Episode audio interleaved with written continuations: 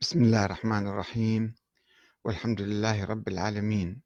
والصلاة والسلام على محمد وآله الطيبين. ثم السلام عليكم أيها الأخوة الكرام ورحمة الله وبركاته.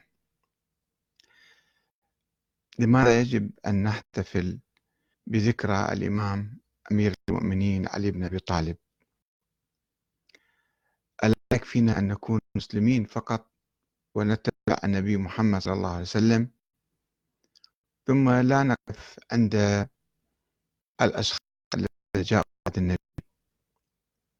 هذا سؤال كثيرا ما يردده الذين لم يفهموا علي بن أبي طالب ولم يفهموا التشيع حق الفهم. يعتقدون أن يعني تذكرنا للإمام علي أو انتمائنا له أو حبنا له هو حب عبثي. وغير ذا معنى غير ذي معنى يعني. في الحقيقة آه، لا توجد في التاريخ آه، شخصيات بعد الأنبياء شخصيات ملهمة ومؤثرة في الناس في مجتمعات عبر التاريخ مثل شخصية الإمام علي بن أبي طالب. وكثر مدعون للانتماء إليه.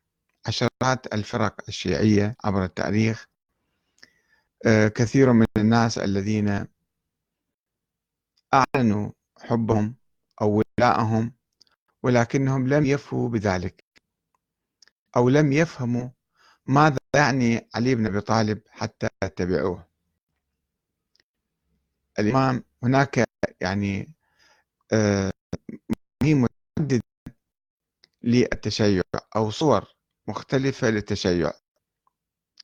هناك صورة حية تتقمص روح الإمام علي وتتبع تعاليمه ومنهجه وأفكاره وآه وتعامه وهناك صورة أخرى عند بعض الناس تنظر للإمام علي بن أبي طالب شخصية عظيمة في التاريخ. ولد في فلان سنة في فلان مكان مثلا في الكعبة وقتل في المسجد في مسجد الكوفة وقام ببطولات وكان شخصية عظيمة وخلص ما هي علاقتنا بهذا الإمام؟ لا شيء. مجرد نعظم هذا الإمام ورجل عظيم بطل كان. طيب ثم ماذا بعد ذلك؟ لا شيء. ما هي علاقتنا بهذا الإمام؟ كيف له هل نحن حقا شيعة الإمام علي؟ كيف نكون شيعة ما هو التشيع؟ فقط البكاء على مظالم الإمام علي.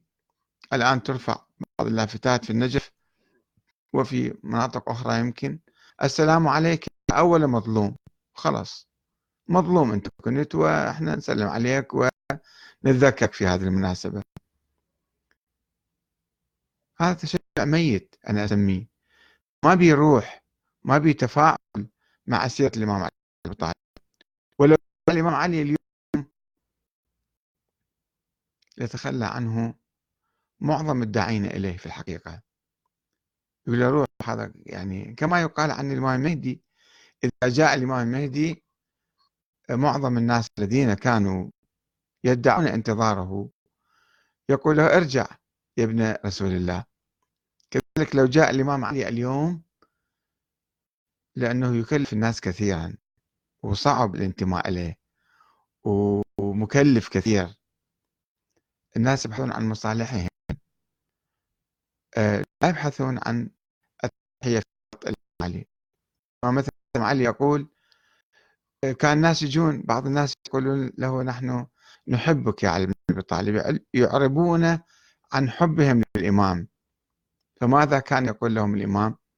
كان يقول لهم من أحبني فليستعد للفقر جلبابا.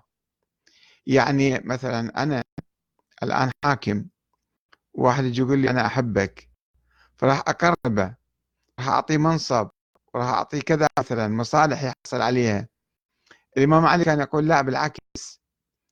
اللي يحبني يستعد فقر جلبابا لازم يعطي.